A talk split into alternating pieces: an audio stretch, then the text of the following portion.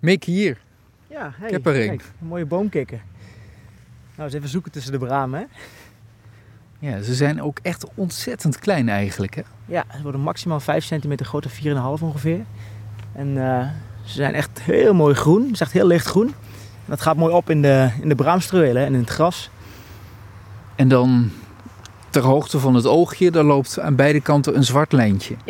Een zwarte streep, ja. En eh, ze hebben ook kwaakblazen aan de onderkant, of kwaakblazen aan de onderkant. Dus het verschil tussen een mannetje en vrouwtje is ook dat een, een mannetje onder de, de bek eigenlijk, een soort van eh, gelige kwaakblazen heeft die helemaal uit kan komen.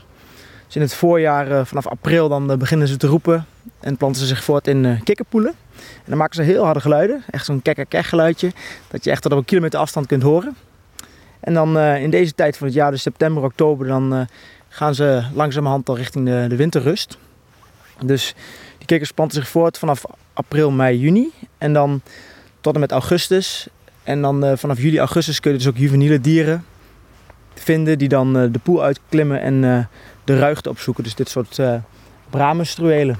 Een juveniel, dat is een, eigenlijk een jong, hè? Ja, dat is een jong dier. Dus als ze kikkervisjes zijn en dan pootjes krijgen en de kant op klimmen, dan noemen we dat juveniele boomkikkers op dat moment.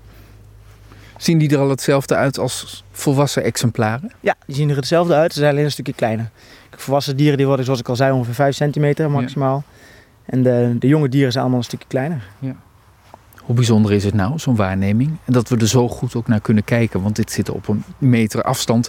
En als we willen, kunnen we er drie centimeter op met de neus vandaan zitten. En ze zijn aardig beschut, hè, dus ze vertrouwen ook op hun schutkleur.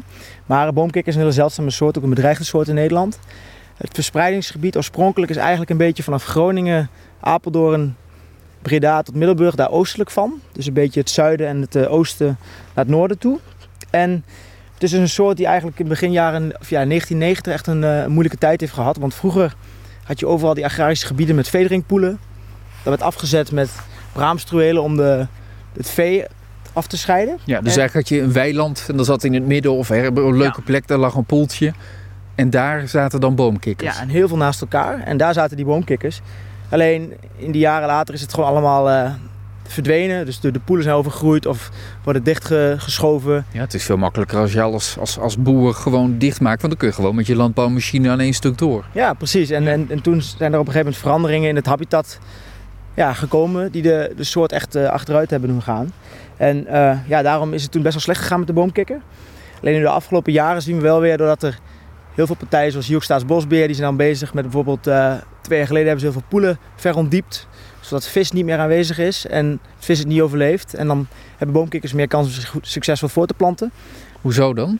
Eten vissen kikkers? Nee, ze eten kikkervisjes natuurlijk. Ja, ja eigenlijk uh, ja.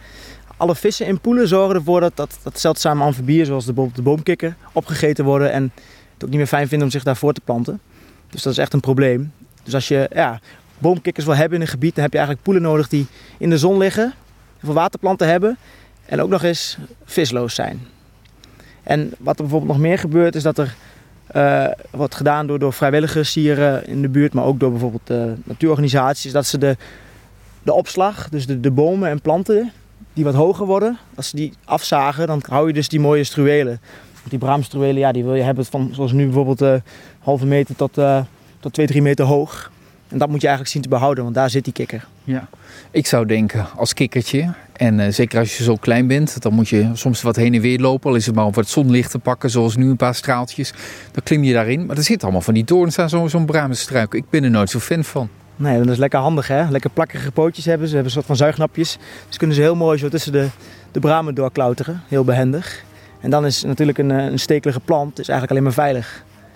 Precies, want dat houdt predatoren, waaronder ja. wij mensen, ja. nou ja, ja, toch op afstand. Ja, zeker. Dus ja. dat uh, is eigenlijk heel handig. Ja. Hier zien we er dus eentje.